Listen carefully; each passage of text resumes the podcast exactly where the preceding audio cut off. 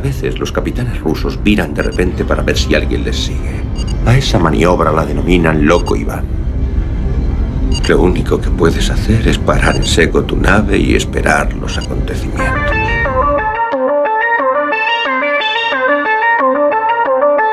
Galaxy 347 of Space Patrol calling unidentified ship. Good night,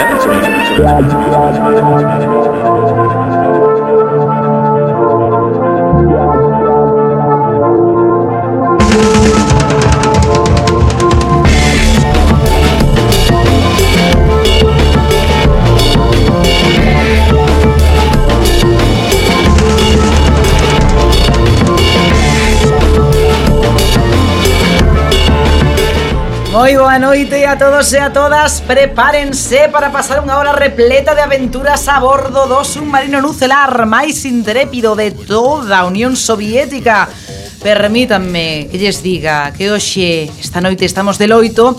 O primeiro loito que guardamos por unha persoa non nacida na nosa querida patria soviética. Morreu Stan Lee eh, camarada que teceu soños en teas de araña, que baixou deuses como Thor e Loki a terra e que mantivo sempre os pantalóns dos seus superheróis por moi axustados que lles quedasen. Imos a dedicar un programa especial a súa figura e obra, aínda que, como sempre, tamén teremos noticias, música, relato e entrevista, neste caso cunha xenetista que descubriu o herdeiro de Ricardo III. Please stand back from the automated door and wait for the security officer to verify your identity. Before exiting the train, be sure to check your area for personal belongings.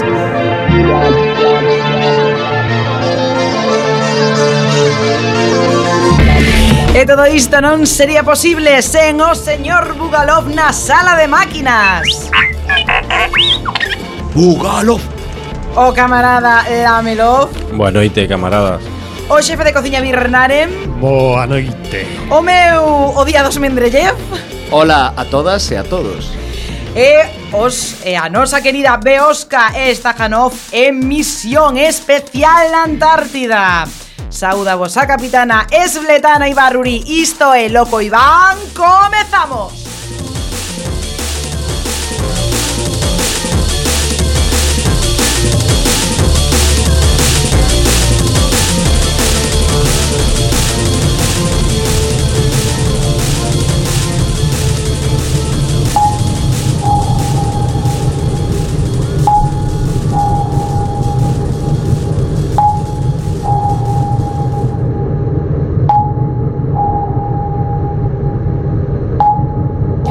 E xa saben, compañeiras, que agora que estamos de novo na FM, eh, non só nos poden escoitar polo seu transistor, senón que tamén se poden poñer en contacto con nos telefónicamente no 881 012 232 881 012 232 ou por WhatsApp ou por Telegram nos, no 644 737 303 644 737 303 e por suposto poden cantar as nosas alabanzas en redes sociais no Facebook Loco Iván Cuac ou no Twitter arroba Loco Iván Cuac. Pero que pasa? Que seguramente están sedentos sedentas de noticias que non, das que non foron informadas esta semana por ningún medio capitalista. Por iso vamos a hacer un breve repaso. Arriba Periscopio.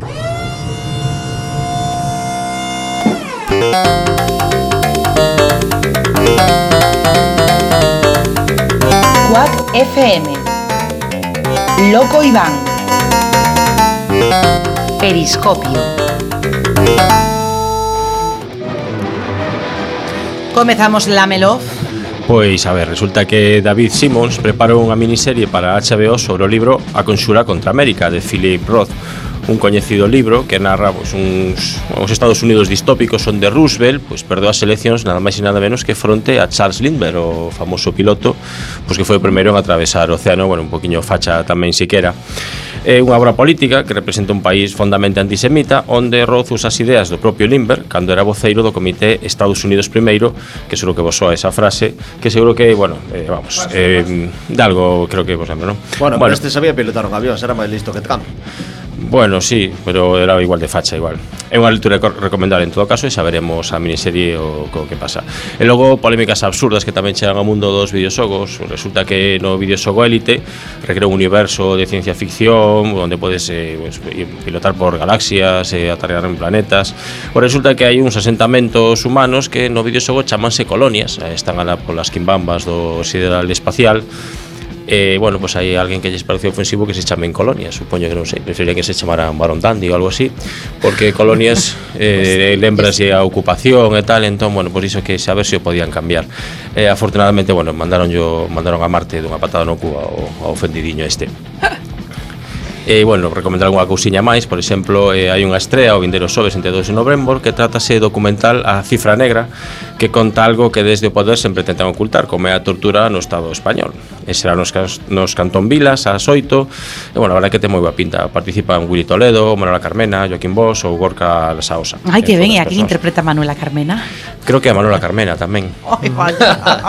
Creo que sí. As, as himself. É que é un, é un documental así me temo. Ah, vaya. Bueno, mm. tamén saiu última Ascendant, que saiu oficialmente xa, de súa beta, Eh, están preparando Smash Z, unha caixiña de xoguete portátil que pode funcionar con Linux ou Windows e permite executar videoxogos de PC.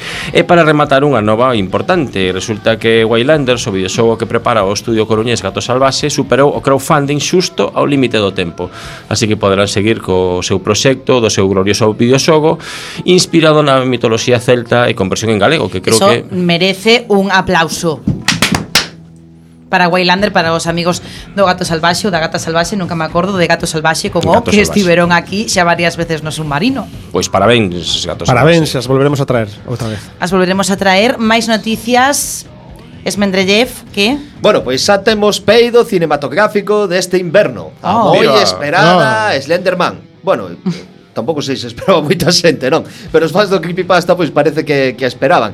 Sabes que o Creepypasta nutrese desa sorte de lendas urbanas, tenebrosas, que surden nas redes sociais e tal.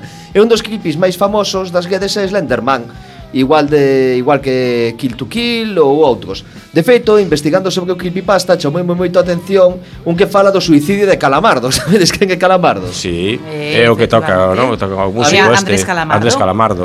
É que sinto, pois, eu sinto moi identificado con ese músico argentino que en Bob Esponja ten que sufrir a, a Bob Esponja e, e a Patricio Estrella de Viciños, porque claro, eso faría que calquera compusese a merda que compón o tío, non? Entón, pois nada, bueno, din que no ano 2010 eh, comezou a dicirse que existía un capítulo desta serie no que o personaxe de Calamardo se suicidaba e que había guidos moi raros e perturbadores e imaxes de nenos mortos... Bueno, que me lío. O caso que en agosto se estreou en Estados Unidos a peli de Slenderman, que é un señor de gatos moi longos que vive no bosque, e aquí se estreou fai 15 días e non come un colín. Funestos que fala... resultados. Bueno, é, é que era moi merda, vamos a dicir. Esa que falamos de creepypasta, pois que sabedes tamén que hai unha serie sobre o tema na HBO, Channel Zero, que o mesmo que fan en American Horror, cambia completamente de trama en cada tempada. Iso sí, todas elas están baseadas en lendas que surdiron en internet. O pasado mes de outubro estreouse a súa cuarta tempada, The Dream Door, baseada nun conto creepypasta, Hidden Door, que conta a historia de dous recén casados cun matrimonio cheo de extraños secretos e que de pronto descubren unha extraña porta no soto da súa casa. No soto do Real. Uh -huh. no. soto do Real, efectivamente. Buah, correcto. Eso comparado co soto del Real seguro que non é. Un saludo bueno, para Andrés Calamardo. Eh, aparte de saudar a Andrés Calamardo, eh, Birnarén, que noticias nos traes esta semana? Eh, arigato. Eh, comezo con este saúdo porque veño coa noticia estrelada semana. E é que en Xapón... Eh, desapareceu. Non desapareceu, pero, bueno, O ministro de Ciberseguridade de Xapón, eh, un tal Yoshitaka Sakurada, Ajá. pois parece ser que, que ese home eh, pois declarou que nunca usou un ordenador e que ah, ten Baltar. certas ten certas dificultades para saber o que é un USB. Oh. O sea, que os japoneses poden estar tranquilos porque agora mesmo e de cara aos Xogos Olímpicos, pois o ministro, o ministro encargado de estar protegidos en ciberseguridade, pois nunca encendeu un ordenador. Bueno, probablemente xa están dicindo en Twitter que non será atacado eh, porque non encender un ordenador pois Bueno, claro, entonces, está máis pues, protegido que ninguén, máis protegido feito. que ninguén. Eh, máis noticias eh, Pois que se estrea unha nova tempada da serie Marte Que como sabedes é unha serie documental Que mestura documental con ficción Sae Manuela Carmena?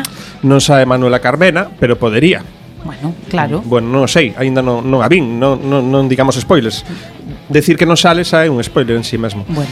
Eh, e nada, que, que estaremos todas atentas a, a velo porque, bueno, xa a primeira foi bastante interesante, entón a ver que, que nos conta esta segunda.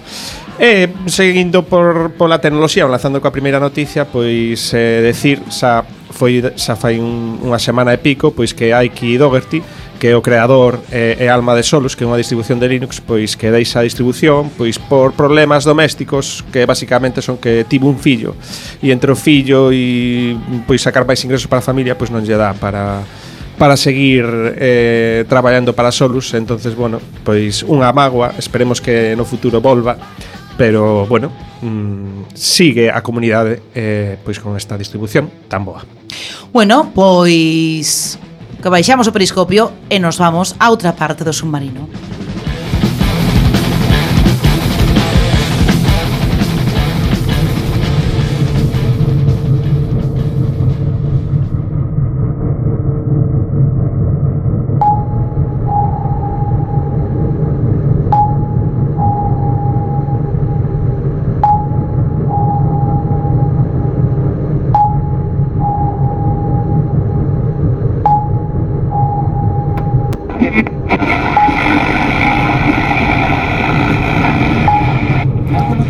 Señor Bugalov,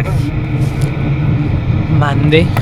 mm, ah, efectivamente, está aí. Vaya, Estou, estou, sí. na sala de radio prisioneiro. Eh, gustaballe moito a vostede. Se algunha vez foi pequeno, gustaballe Stan Lee. Eh, es, es, me gustame máis está Lin, pero Stan Lee está bueno. bastante ben tamén. Ah, non é o eh, mesmo. Son bueno, parecido, era hermano parecido, tamén de Bruce. Parecido parecido, máis ou menos, pero sí, claro, como di a comandante que sempre a comandante que sempre ten razón a capitana, Home, eh, claro. pois pois hai que traer cousiñas de Stan Lee e hoxe non traio unha un tema nin dous, nin tres, nin catro, senón cinco. Que di? Sí, pero van pasar así a, a toda a toda velocidade. Digamos que se falamos de Stan Lee, seguramente pois isto como que soa, non? A batalla de Stalingrado. Porque resulta que eh, Marvel e todo o que conleva Marvel leva unha evolución musical interesante. O sea, hai moito chollo esta fanfarria habitual de Marvel, de Marvel de comenzar antes de todo, pero non foi sempre así. Que eh, Sí, antes as cousas eran un pouco distintas. Pero isto era de cando os nenos americanos fumaban. Isto é a sintonía original de do Capitán América de 1966. Bueno, basta moderna me parece para ser o Capitán América, oiga. Bueno, hai que decir que, eh, claro, todo isto se actualiza cos tempos, o sea, este Capitán América non se asemella ao de Alan Silvestri, non? Que o que temos agora. Está Valería para un vídeo promocional de Vox, así épico. Eh, eh, eh, eh moi American. Cosa, sí, mm, American total. Eh? Moi, moi, Alan, moi Alan Silvestri, todo hai que dicir. Un pouco Silvestri sí que É así como de... Eh, Eu non teño, pero se tivera testículos, me, me los mesaría con esto. Pero claro, se falamos da música de Marvel, hai que falar mm, mm, dunha sintonía que soará máis veces ao longo do programa porque é inevitable, pero hai que ter en conta que os superheróis eh, de, eh, a punto de vista de Stan Lee dos superheróis non deixa de ser unha especie de versión camp da mitoloxía. A mm. Gastor que é directamente unha transcripción da mitoloxía. Pero um, así nos atopamos con unha versión musical camp de sintonía completamente, moi similar a que de Batman, non? Sí. Oh, pero esta mola moito. O mellor tema de Spider. Que está eh, Spider Cerdo. Spider cerdo, Spider cerdo. Te pegas las paredes como Spider-Man. Claro, que pasa? Que isto para o século XXI como que soa un pouco chusco, entón chaman a xente como, por exemplo, nada menos que Danny Elfman para facer a, a versión do Spider-Man do século XXI. E se vos fixades, ao principio ao principio do tema hai un homenaxe á sintonía de Marvel. Hai uns violins así en estacato que fan unha cousa similar, e xa como, os violins en, en, en estacato. Que? un estacato. Eso é un estacato. Pues, Ai, como pintamos a parede do submarino. E eso gaita como soa? Eso en gaita soa mal. En zanfoña? Isto é, isto é Danny Elfman é, hai que dicir que é unha banda sonora moi moi Danny Elfman, o sea, podería ser pesadelo antes de Navidad, de Nadal, pero pero non o é. E eh. cando para isto a que vos lembra? Vai a pasar algo. Seguro. Esta é unha homenaxe a cinto de de Marvel. Logo xa Daniel Man, Daniel Mané, que o sei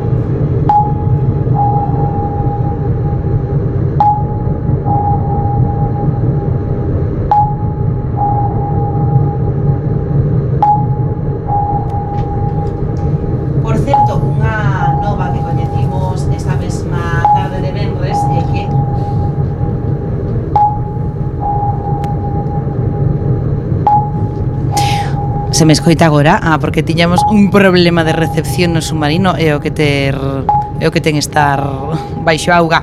Dicíamos eh, que mm, esta mesma tarde de Benres tivemos unha mala noticia, outro pasamento. Esta semana Stan Lee e hoxe eh, William Goldman que é o guionista de La princesa prometida que xa sabedes que é unha película que nos encanta Peliculón. simplemente porque sae André o xigante. Sí, sí. Unha Así que unha obra mestra. A noveliña tamén é maravillosa. E porque Birnanem é curmán en grau segundo de Íñigo Montoya. É verdad, é Íñigo Montoya. Sí, nunca vos falo dela, verdade. Sí. Eh. Íñigo Montoya tiña un pouco máis de de, de rizo, pero nada máis. Moi grande, Íñigo. bueno, un beso para Íñigo a donde esté. Eh, nos vamos da sala de radio, xa saben que nos vamos cara a biblioteca a ver que relato nos ten hoxe escollido o noso intelectual moderno de merda.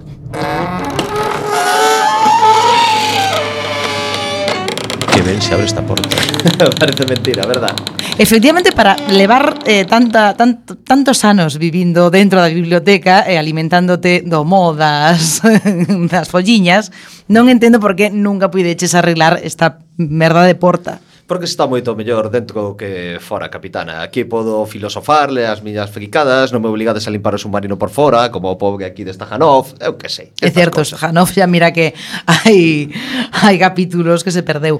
Vamos a ver, querido eh, IMM, eh, que nos traes? Que nos traes esta noite? Esta vez o azar custoulle moito que saíra un libro que tivera algún Claro, un, un libro escrito por Stan Lee, claro, non, non. Sen embargo, Mirade, inda que non hai moita novela de superhéroes, ou polo menos novela que non me des arpullido poñela, poñela nesta situación, sí que realmente o concepto de superhéroe, o camiño de héroe, o concepto de superhéroe son moi bellos, porque realmente pois son xente que, que ten esos atributos que nos consideramos heroicos, pero que son diferentes da xente normal. Claro. É algo moi antigo, que se aparece nas primeiras epopeyas de Gigames de Ur, e máis adiante, bueno, aquí, Ilíada, de mm, Homero... Mesmamente no submarino, non? En Odisea, Na mesmamente no submarino. Que pasa? Que eu mesmo pensei en pillar aí un fragmento da Odisea ou de Ilíada, pero claro, aquilo como foi escrito no siglo II antes de Cristo, pois miña nai, fua, como para interpretalo. E de pronto lembreime de Dan Simons. Dan Simons é un escritor de ciencia ficción moi coñecido, ten mogollón, mogollón de cousas. De feito, é o a pai... A lle pasou iso, non? De lembrarse de Dan Simons. Home. é que fai tanto que é Era imposible así. non lembrarse. O entrenou o señor Miyagi. A serie de terror por falar de algo novo que ten que ver con que ten que ver con Dan Simons, non? Pero bueno, unha das súas Ai, máis... moi moi moi moi boa esa esa esa serie. Esa, sí, eu ainda non a vin, pero ah, bueno, hostia, pero, pero teño pues, ganas tolas, eh, porque No, pois pues está moi ben, está moi ben. Todo o mundo fala moi moi ben de. Gustoume moito, o que pasa que bueno, sabes un pouco o final, claro. entón, pois, bueno, el ten dúas grandes sagas, Dan Simons, no? Unha delas é igual vos sona, eh, é Hiperión, uh que bueno, é eh, de ciencia ficción clásica, space opera, que, que mata no ascenso de Endí, oh, gloriosa. E eh, logo ten outra que se chama Ilión, que é Ajá. de onde está tomado este texto. En Ilión, imaginade que vos sodes un historiador actual. Claro. Entón, de pronto, pois, facedes a boa vida ou mala, estudiades, traballades, e un día vai e morredes. E de pronto, despois de morrer, despertades. E estades no limpo. Estades no limpo cos deuses eh, gastar no limpo dos deuses empezades a suspitar un pouco, non? Porque os vades conta de que os obxetos máxicos dos deuses que algún leva pilas ou que sei, cosas así, non? Que, que chaman a atención. E a partir de aí, pois el da, da batalla de Troia escribe unha noveliña maravillosa e hai un fragmento donde un estólido, un historiador destos que suscitados que viven entre os deuses, eh, interactúa con, con un par de deuses que o que imos ler agora. E eh, hasta aquí podemos falar.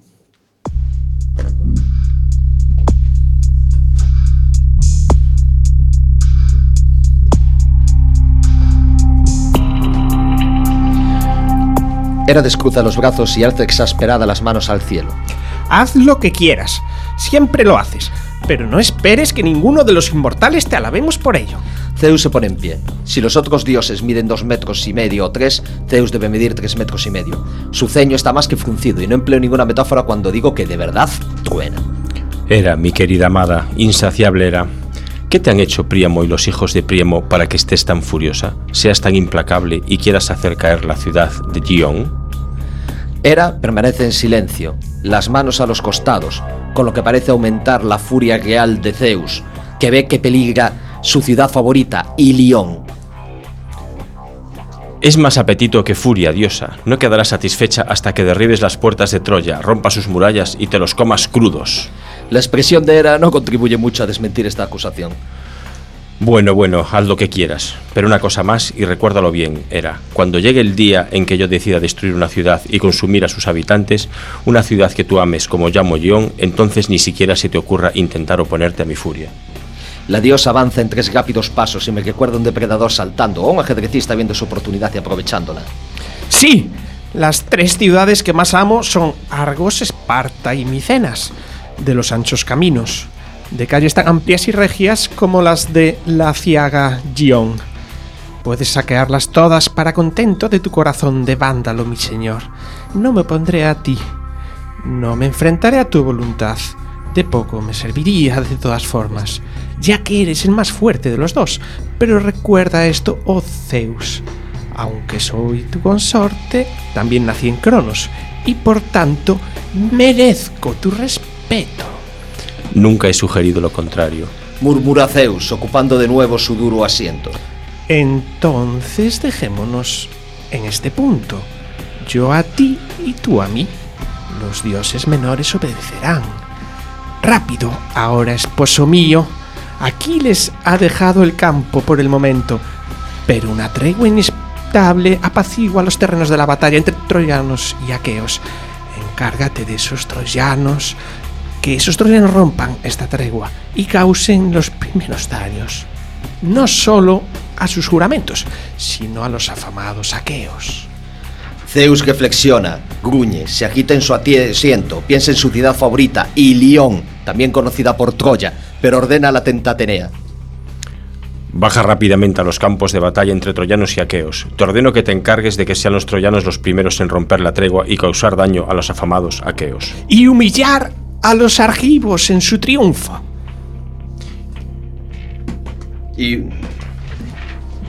Ordena a Zeus cansado. ordena Zeus cansado, Atenea desaparece en un relámpago de TC. Zeus y Hera abandonan la sala y los dioses empiezan a dispersarse, hablando en voz baja entre sí.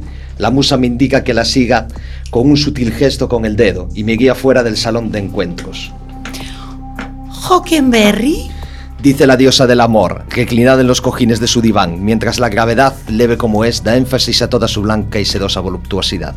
La musa me ha conducido a esta otra sala del gran salón de los dioses, esta habitación oscura en la que solo brillan un brasero que arde lentamente y algo que se parece sospechosamente a una pantalla de ordenador. Me ha susurrado que me quitara el casco de la muerte y me he sentido aliviado al quitarme la capucha, pero aterrado de volver a ser visible. Entonces ha entrado Afrodita, se ha aposentado en el diván y me ha, di- y ha dicho...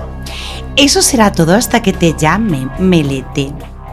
Y la musa Melete se, va, se ha marchado por una puerta secreta. Melete, he pensado. No una de las nueve musas, sino un nombre de una época anterior en que se creía que las musas eran tres. Melete de la práctica, Mene del recuerdo y Aoide de... Aoide de... Hockenberry, te he visto en el Salón de los Dioses, y si te hubiera delatado a nuestro señor Zeus, ahora serías menos que cenizas.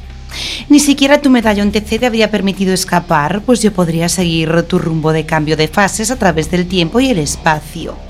¿Sabes por qué estás aquí?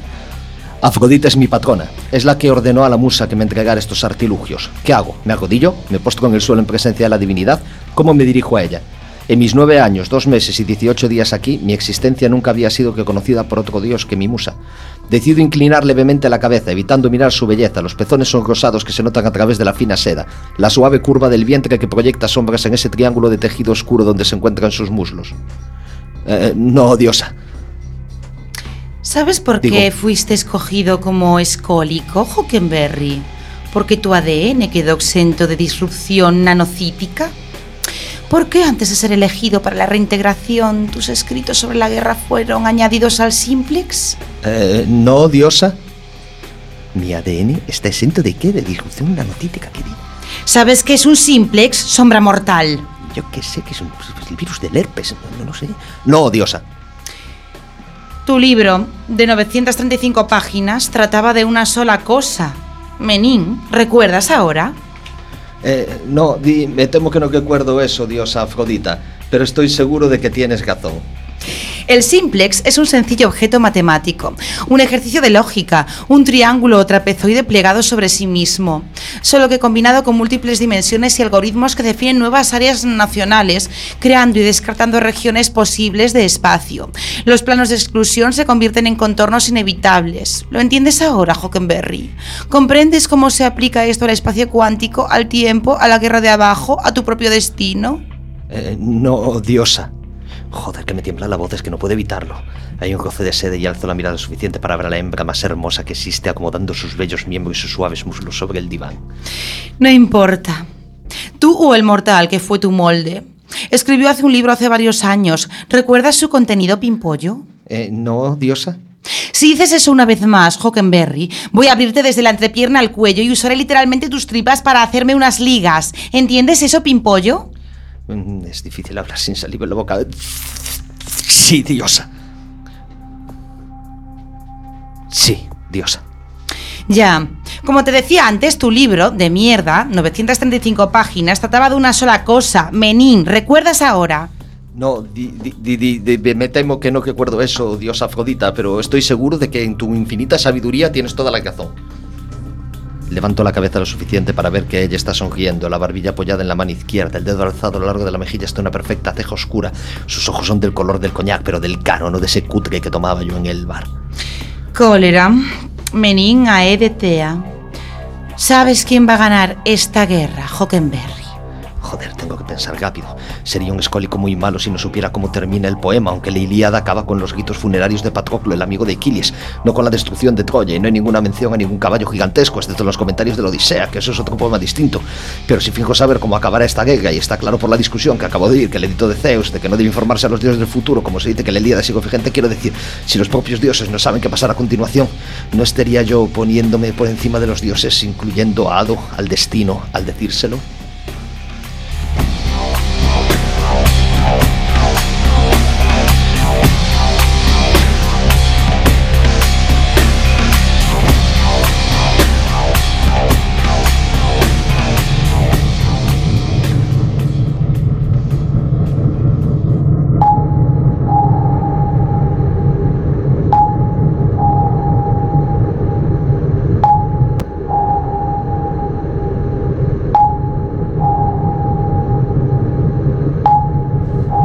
Bueno, pois despois deste quizáis eh, accidentado relato Temos que seguir co submarino eh, Nos vamos a abrir a nosa escotilla Para... Mm, aí está a escotilla Esta noite lles dicía que tiñamos eh, unha entrevistada mm, da que poder presumir moito.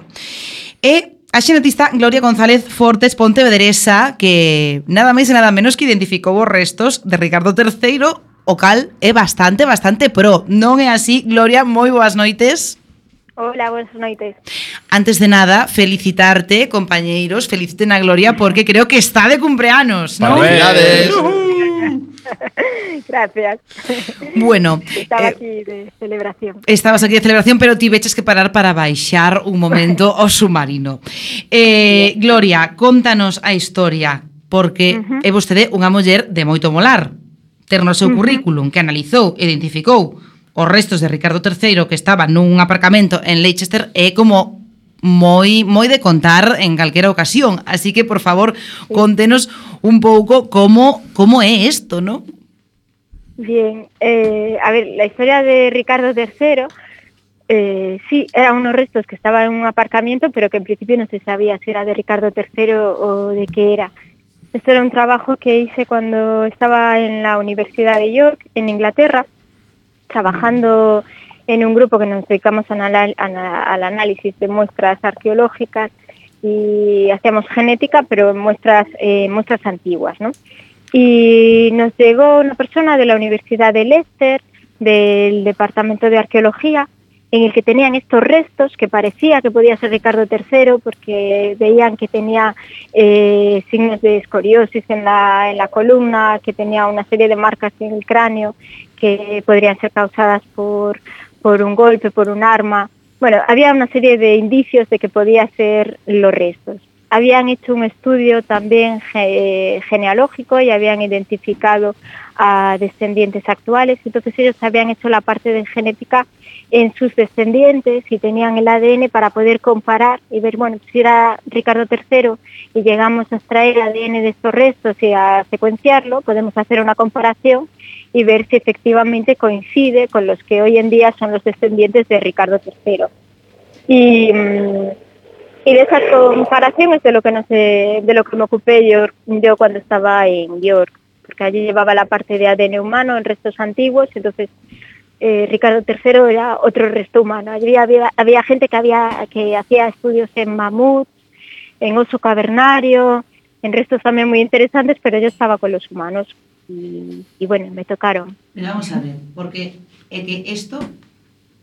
Ui. Mm. Vamos a ver un momento, é que temos aquí uns problemas, oxe, co Y, y- Esto- estoy en la calle también yo. Bueno, quero dicir, Aquí, estamos en la así, superficie, hay coches que pasan. bueno, Sí, sí. é o que pasa, nos estamos no, no, pero non descubra a maxia da radio. Nos estamos no submarino Na soviético e escotilla, vostede tamén, claro. eh? Eh, uno. claro. Quero sonar o submarino que pilla todo. Eh, claro, é un otro isto. submarino, está, hay mucho tráfico aquí en el submarino. Mire, como é posible? Eh, eh, vamos a ver, porque vostede así o conta cunha, cunha, cunha lixeireza, estamos aquí contando, claro, pois estaba eu ali, estaba mirando o ADN dos osos de, de Ricardo III, tiña unha compañeira al lado mirando do mamut. Como é posible no. extraer ADN de osos de séculos e séculos e séculos de, de antigüedade? Sí, Ese era un poco el, la inquietud que teníamos todos, ¿no? Ah. ah eh, porque en aquel momento esto se estoy hablando cuando empezamos a trabajar con los restos de Ricardo III, era el año 2012, y mm, estudios de genética en muestras antiguas todavía no se había hecho mucho, era un campo que se está desarrollando todavía hoy y bueno, ahora podemos hacer genomas enteros, de aquella veíamos regiones, fragmentos cortos del genoma, y en el caso de Ricardo III los huesos estaban muy deteriorados porque habían estado enterrados en contacto con la tierra durante muchos años mm, y bueno, ya llegaban, eran unos restos que estaban muy deteriorados y que además no nos permitían eh, cortarlos demasiado, no podíamos hacer un muestreo y, quedarnos con un trozo lo bastante grande de, de hueso, estábamos bastante limitados en cuanto al material Eh, pero bueno, a partir de ese material sí fuimos capaces de, de extraer, de aislar, de aislar el ADN, de poder secuenciarlo y compararlo con sus restos actuales. Y lo comparamos con la línea materna. Esto fue curioso porque fue la, como eh, de esa parte se encargó eh, la Universidad de Leicester, el Departamento de Arqueología, y localizaron descendientes tanto en la línea paterna como en la línea materna. Entonces, en la línea paterna, eh, como Ricardo III murió en una batalla por la que perdió el trono Ujú. de, de Inglaterra, É verdad, foi o E único entonces- rei que morreu en batalla. Si morreu en batalla non se sabía Por onde agora. o habían, o habían enterrado. Entón, era un, po, un pouco a incógnita, non? De onde estaba. Eh, pero sus descendientes sí siguieron heredando los apellidos y siguieron heredando eh, los títulos nobiliarios por la línea paterna. Por la línea materna, eh, que en realidad era una hermana de Ricardo III, lo que había tenido hijos y fue la que seguimos, ¿no? Y en la línea materna se había perdido esos títulos nobiliarios porque no se siguieron heredando. Y el descendiente actual que, que teníamos era un hombre que había nacido en Canadá y que era un carpintero, que trabajaba en Londres, aunque era de origen canadiense, y estaba trabajando en Londres.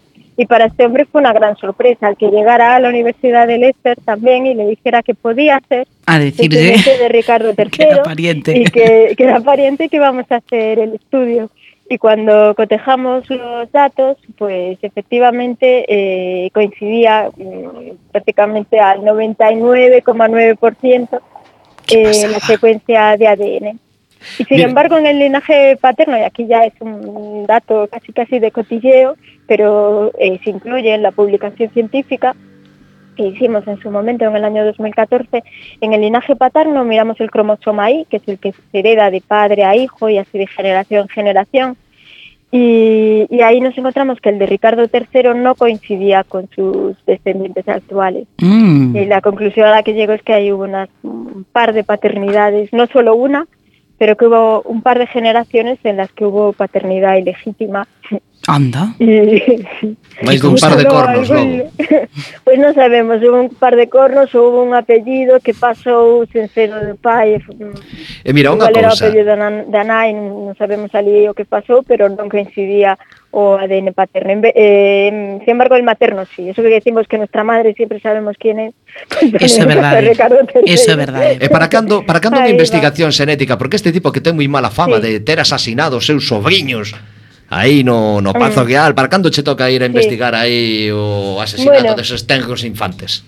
Por ahí siguen en la Universidad de Leicester. Este es un trabajo que en realidad a nosotros nos llegó en el 2012 a York, porque en la Universidad de Leicester eh, en aquel momento no hacían ADN antiguo, ellos hacían ADN actual, pero no ADN antiguo. Y entonces fueron a buscar pues especialistas en ADN antiguo y ahí estábamos en la, unidad- en la Universidad de York, teníamos un buen laboratorio, era con el profesor Hofreiter, eh, que era pues, el catedrático de ADN antiguo allí, yo formaba parte de su equipo y ya os digo, había, había otra gente que se encargaba de otras especies, yo me encargaba de humanos.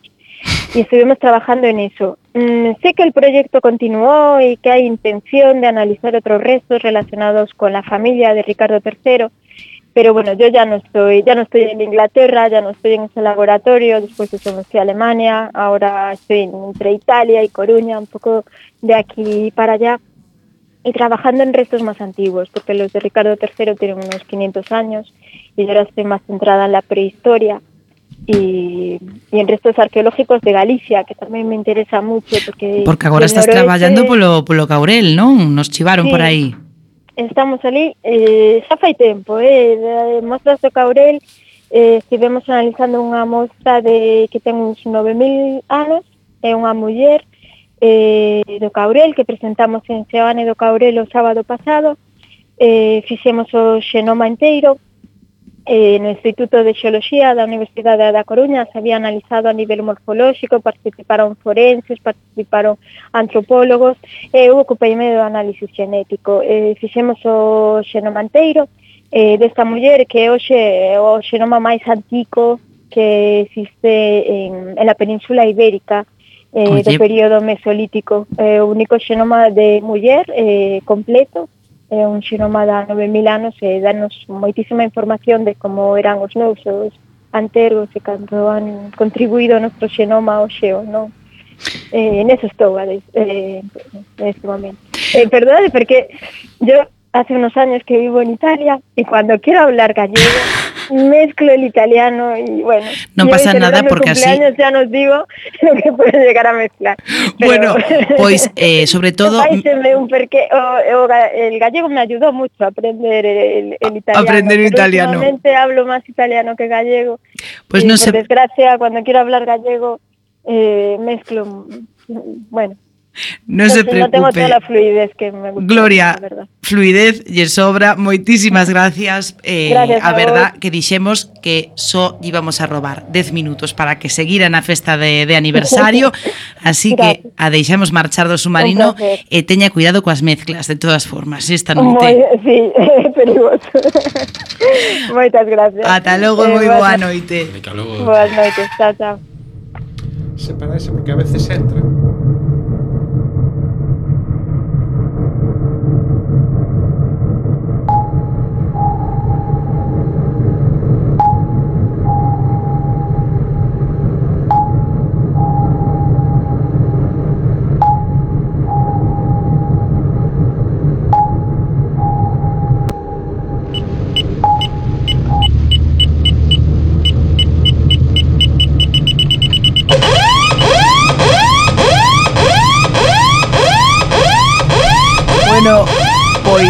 Este sonido é que nos vamos ya a inmersión máis profunda a falar de Stalin, non, de Stan Lee.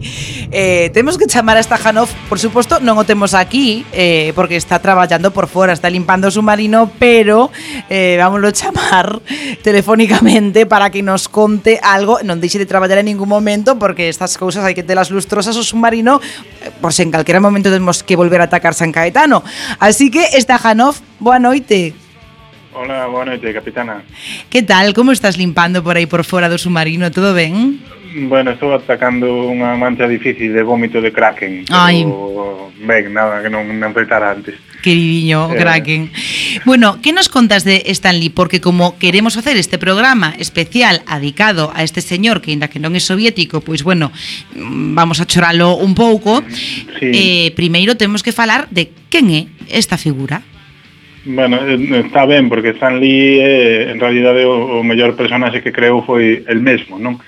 Porque mm, Bueno, empezando polo, polo principio, é un señor que naceu a, mor, a moi corta idade, claro. en 1922, eh, no, no mesmísimo Manhattan, que eso ya dá mucho, mucho aire. Claro. Eh, eh, empezou a traballar no, neste asunto dos tebeos eh, pouco antes de cumprir os 20 anos, eh, ao principio levaba bocadillos, pero como estallou a, unha cosa que se chama Segunda Guerra Mundial, que lle gusta moito aí o camarada Ramelov, eh, pois quedaronse moita xente nos estudios e enseguida puxeron a, a escribir guións e demais. Eh, entón, el en realidad non se chama Stan Lee, chamase de unha familia xudea, chamase Stan Lee Lieber. E por que se puxo Stan Lee? Porque o que quería era ser novelista e dixo, bueno, eu que vou un día destes escribir a gran novela americana, non vou claro. ser coñecido por escribir tebeos de mierda, entonces me voy a poner un seudónimo para que non me conozca nadie. Claro, Pero ao final, nos nos ao final, ao final foi o nome que pasou a posteridade, segundo seguramente lle pasará a vostede, capitana. É así, é así, efectivamente. e bueno, xa daquela traballado con tal Jack Kirby, que pero aqueles anos eran eran complicados, non? Porque entre a guerra e tal, e que o que se vendía realmente eran Superman e Batman da distinguida competencia, pois facían moito moito produto alimenticio. Eh, e nos anos 50 chegou o, o Comic Code Authority, foi a autocensura que se buscou a industria do cómic cando se acusaron de corromper as mentes da infancia, contei todo ese rollo no programa de Batman na anterior temporada, se alguén ten ganas de buscalo, e, e os cómics empezaron a baixar ainda máis en, en ventas, non? en permanente crisis. Entón, o Bob Stan daquelas que había de todo, cómics de vaqueros, romances, eh, bélicos, eh, misterio, mm, bueno, pois se curtindo. Eh, mantiñan superheróis na editorial, pero ningún dos que, nos que coñecemos hoxe. Eh, o, o o furor creativo curiosamente chegaría xa sendo maior o friso dos 40 en 1961 porque daquela eh, na DC inventaron unha cousa que se chama Liga da Xustiza uh -huh. e empezaron a montar un poquinho as ventas do cómic que estaban estaban de capa caída entón o seu xefe dixo eh, Stan, quero que copies a Liga da Justicia claro. e Stan estaba un pouco farto e xa estaba decidindo va, voy a dimitir cualquier día e voy a escribir a ver novela americana vou facer aquí unha cousa que, que me apeteza. Entón foi de sea con, con Kirby e inventaron eh, os Catro Fantásticos. Eh, que tiñan unha cousa bastante original. Bueno, mm, foron uns personaxes que tiveron a mala sorte de ter unhas películas moi malas, pero os cómics en realidad son moi bons, sobre todo os daquela, os daquela época, porque foron os primeiros superhéroes que, aparte de ser superhéroes, eran personas. É dicir, non, non eran perfectos salvando o mundo, senón que tiñan problemas matrimoniais, se, claro, se pelexaban, claro. etc. ¿no? E entre 1961 e 1963, dos anos moi locos, eh, aplicando esa fórmula de superhéroe que era persona antes que superhéroe, Eh, pues, eu son empezar, persona tamén eh, antes eh, que sí, antes, antes que, que mm, bueno, non sei, dubido. antes que capitana e antes que super Vostede, vostede está por enriba de calquera persoa capitana. É verdad, eso é verdad, eso é verdad. Eso é o principal, pero bueno por debaixo de Stalin. non sí, está claro, claro, claro. Stan Lee, no, pero bueno. Entón, bueno, neses dous anos chegaron Thor, eh, chegaron os Vengadores, todos Iron Man, Hulk, eh, por suposto Spiderman, e eh, o último da jornada foi Daredevil. Bueno, a maioría... podía haber Podía haber parado en Spiderman, de feito. Eh, eh, no, Daredevil mola. Bueno, eh, hai que olvidarse, hai que olvidarse da peli de Ben Affleck, pero os cómics de Daredevil son maravillosos. Non, non tanto os de Stan Lee, a verdad, pero bueno, os nos 80 con Frank Miller. Pero eh, eso, a maioría o fixo con con Jack Kirby, excepto Spider-Man, que, bueno, tamén o Doutor Estranho fixo con Steve Ditko. Tiña moi mala fama de tratar mal os debuxantes, é dicir, Stan Lee perfeccionou unha cousa de, que se chama método Marvel de traballar que consistía en que ele se reunía co debuxante, mmm, facían así unha idea do que iba a ser o seguinte número, Stan Lee escribía un borrador de guión de unha páxina, pasaba yo o, o señor dos lápices, o tío planificaba as 24 páxinas da historia, debuxaba, facía todos os rollos, se lle daba de volta a Stan e Stan puña os diálogos, ¿no? Entón, isto fai que unha xente diga, joder, pero creo que era, era un jetas, ¿no? eh, O que facía todo o traballo en realidad era Ditko, Kirby, eh, eh, bueno, despois, foi xente... Bueno, pero eso sería como Romita, ¿no? dicir que vostede claro. limpa o submarino pero é que claro. fai falta unha mano de ferro. Unha mano de ferro pensante. Claro. Pero o que si tiña Stan era moi boa man para escoller debuxantes, porque a verdad por aí pasaron algúns dos mellores da, do, do mundo. Claro. E tiña olfato para saber o que funcionaba, ¿no? porque aí se ve, son todos esos personaxes pues, siguen hoxe recaudando millóns en taquilla. E despois Kirby e Ditko, sobre todo Ditko, que tiña moi mala hostia, se enfadaron e se foron da editorial pero logo que intentaron facer en solitario, aínda sendo moi bons dibuixantes, pois non se acuerda nadie de ello. É así, rapaces, un... que é o que vos pasaría a vos se quereirades mm. deixar o submarino, que fora fora fora do meu abrigo morrería desa miñoca, pero mm. vamos, mm. en minutos, en minutos. Mm.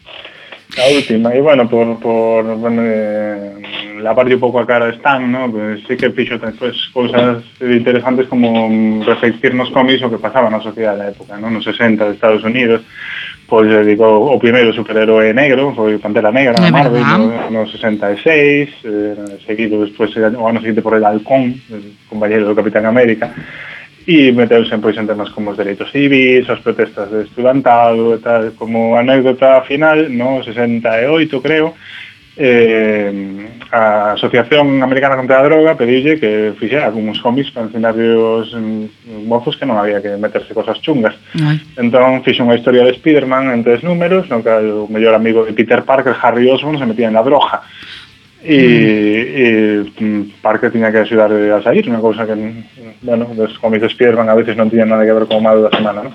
E ese cómic foi prohibido pola, pola autocensura do Comic Code porque eh, les daba igual, salía droga e non se podía, les daba igual o mensaje. Entón, Stan, que era moito Stan xa daquela, pois enfrentouse o Comic Code, montou un xuizo e finalmente conseguiu que se relaxaran os, os estritos cosa que dirían moi ben despois o cómic dos 70, que xa non andaban con tantos paños quentes nas historias. E, bueno, despois fixo moitas máis cousas, pero xa encheu o programa, xa non me calo xa. É verdad, porque debe seguir limpando, porque eu estou vendo aí, porque eu teño que ser como Stan Lee, comprenden, camaradas, como Stalin e como Stan Lee, bueno, mm, fusionados vou, na persoa da capitana. Así que, a traballar limpe todo correctamente. Esta Janoz pode que a semana que ven volvamos conectar con vostede.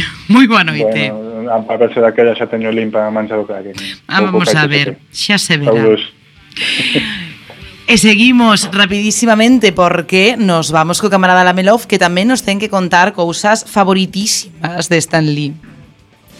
Everybody was talking about Jackson Whitney and about Commander Courage, and I'm sorry I wasn't here for that time, but you know, I was off saving America and freedom and making the world safe for comic books. Pois esa era voz de, do propio Stan Lee.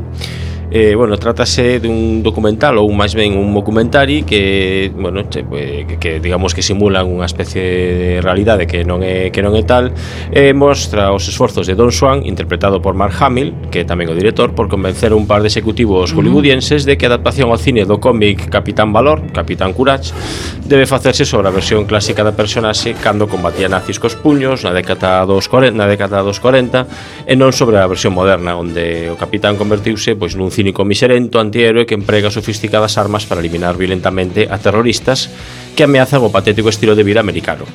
E para axudalo na súa cruzada, Swan recluta a Leo Mazuki, que é Billy West, o neto do creador do superheroe, ao que ninguén coñecía e a súa existencia podría botar por terra a produción da película do, do superheroe. Estreouse, bueno, vais a estrear no ano 2004 e ten un dos cameos típicos do desaparecido Stan Lee que precisamente con esa frase que ven dicindo que todo o mundo estaba falando de Jackson Whitney sobre o comandante Valor e siento no haber estado allí en ese momento, pero estaba moi ocupado salvando la libertad en América e haciendo del mundo un lugar máis seguro para los cómics, dicía Stan nesa frase que coñecíamos antes. Ben, e ademais eh, algunhas cousiñas de, sobre Spider-Man, pois algunhas anécdotas.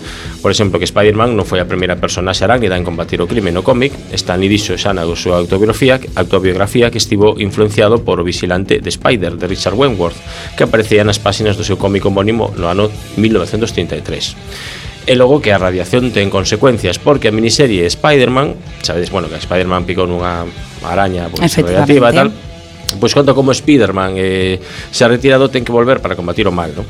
e ten un trauma psicolóxico xa que a súa noiva e amor da súa vida Mary Jane Watson morreu de cancro provocado polo esperma radiactivo de Spiderman. E xa podería ter usado un condón o amigo Spiderman. Efectivamente, e isto nos recorda queridos amigos e amigas que usedes sempre eh, condón. Algo máis que non sei para que vou usar algo que non uso.